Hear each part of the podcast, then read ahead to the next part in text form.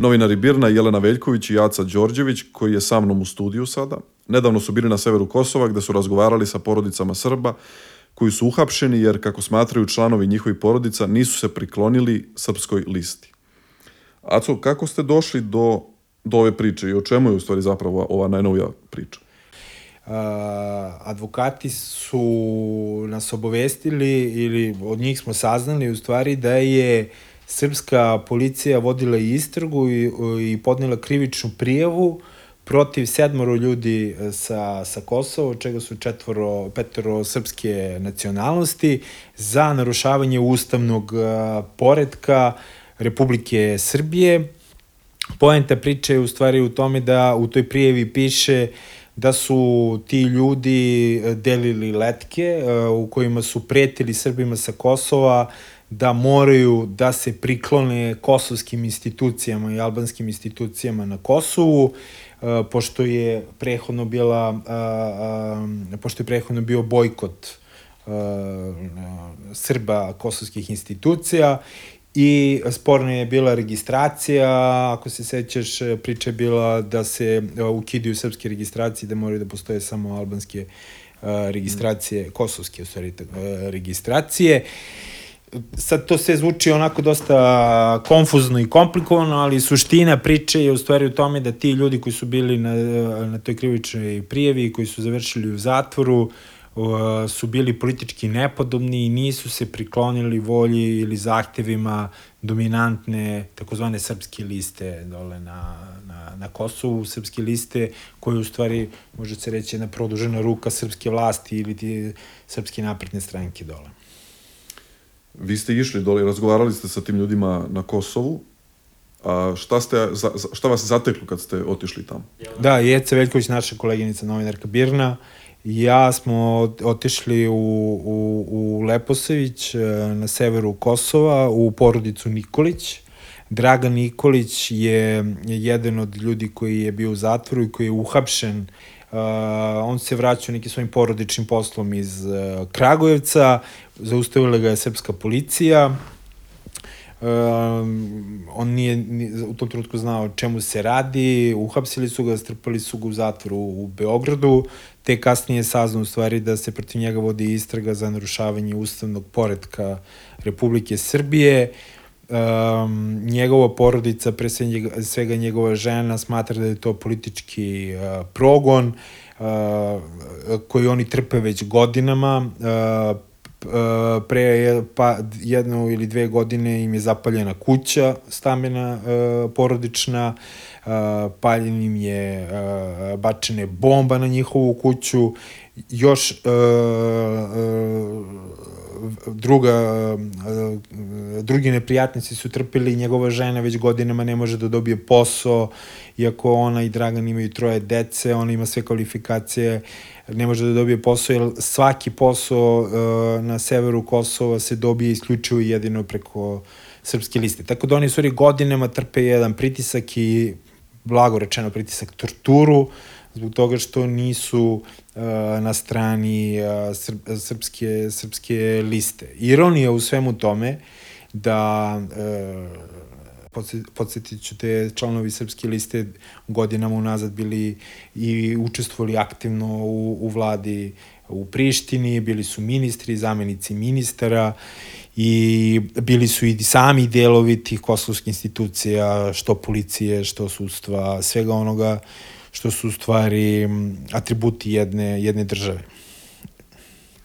Da, da, li, da li se mogu da osjetiš neku atmosferu kada u razgovoru sa ljudima da će da će se desiti ovo što se danas dešava u smislu ovi sukobi, ove tenzije? Pa ja idem već zadnjih deseta godina više puta sam bio na Kosovu.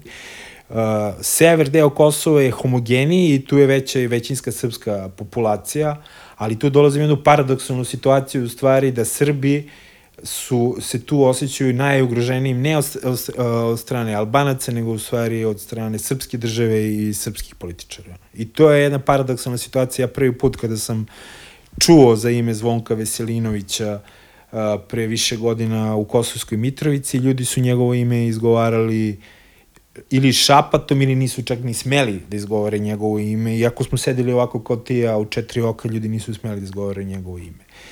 Posle nekoliko godina Zvonko Veselinović je uh, postavio svog zamenika, eksponenta Milana Radevčića, sada je to Milan Radevčić. Znači, uh, Milan Radevčić je ime koga je Oliver Ivanović spomenuo svega dva, u intervju u Birnu, svega dva meseca pre nego što je ubijen, da je on taj koji je vođa kriminalne uh, uh, grupe na severu Kosova, koji ceo, on je taj koji ima faktičku i, i pravu vlast na severu Kosova i da je on taj koji se pita za sve i da je njega, parafrazirat ću pokojnog Olivera Ivanovića, jako brine to što predsednik Srbije Aleksandar Vučić Milana Radočića uzima kao definiče kao čoveka koji brani srpski interese na Kosovu.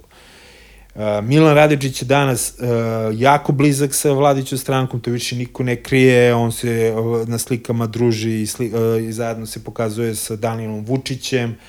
Vučić otvoreno priča o Milanu Radičiću kao čoveku koji brani srpski interese na Kosovu, a radi se o čoveku koga američka administracija označava kao vođu organizovane, najveće organizovane kriminalne grupe uh, ne samo na, u tom delu uh, uh, u, u tom, na tom delu Balkana, nego na celom, na celom Balkanu.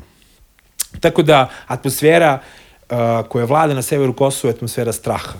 Da li se to osjeća u razgovoru, da li se to osjeti u razgovoru sa njima?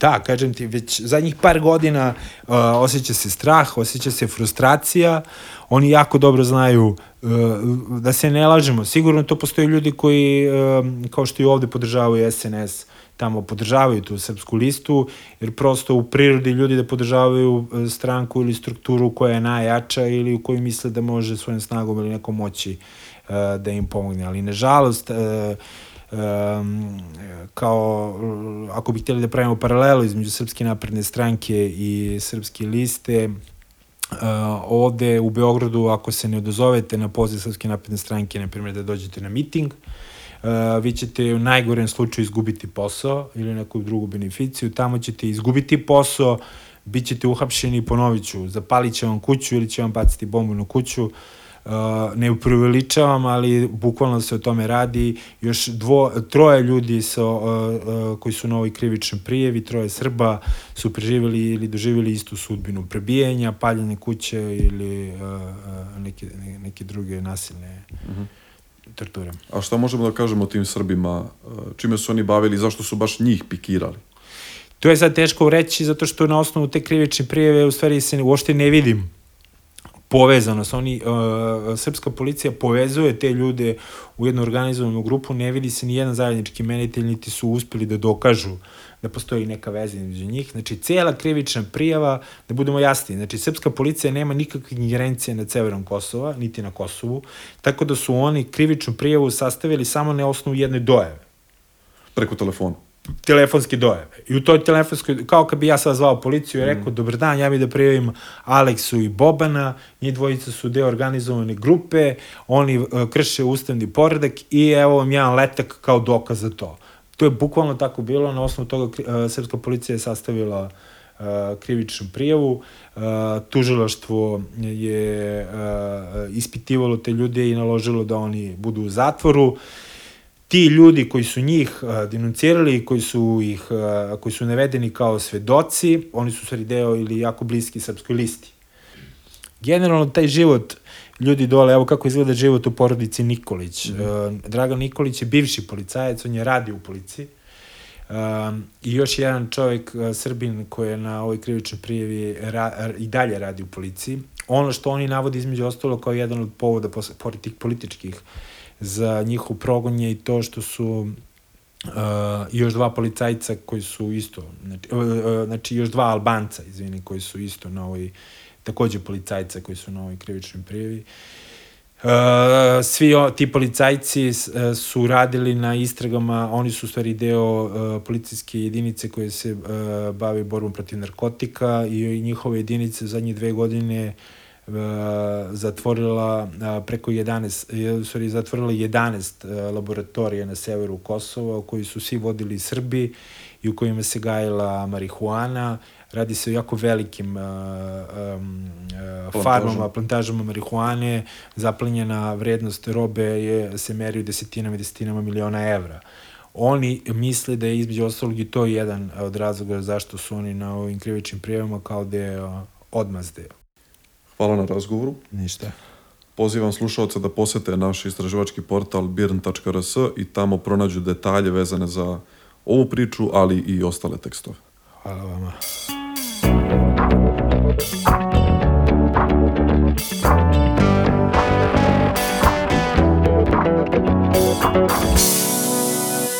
Birn Prič.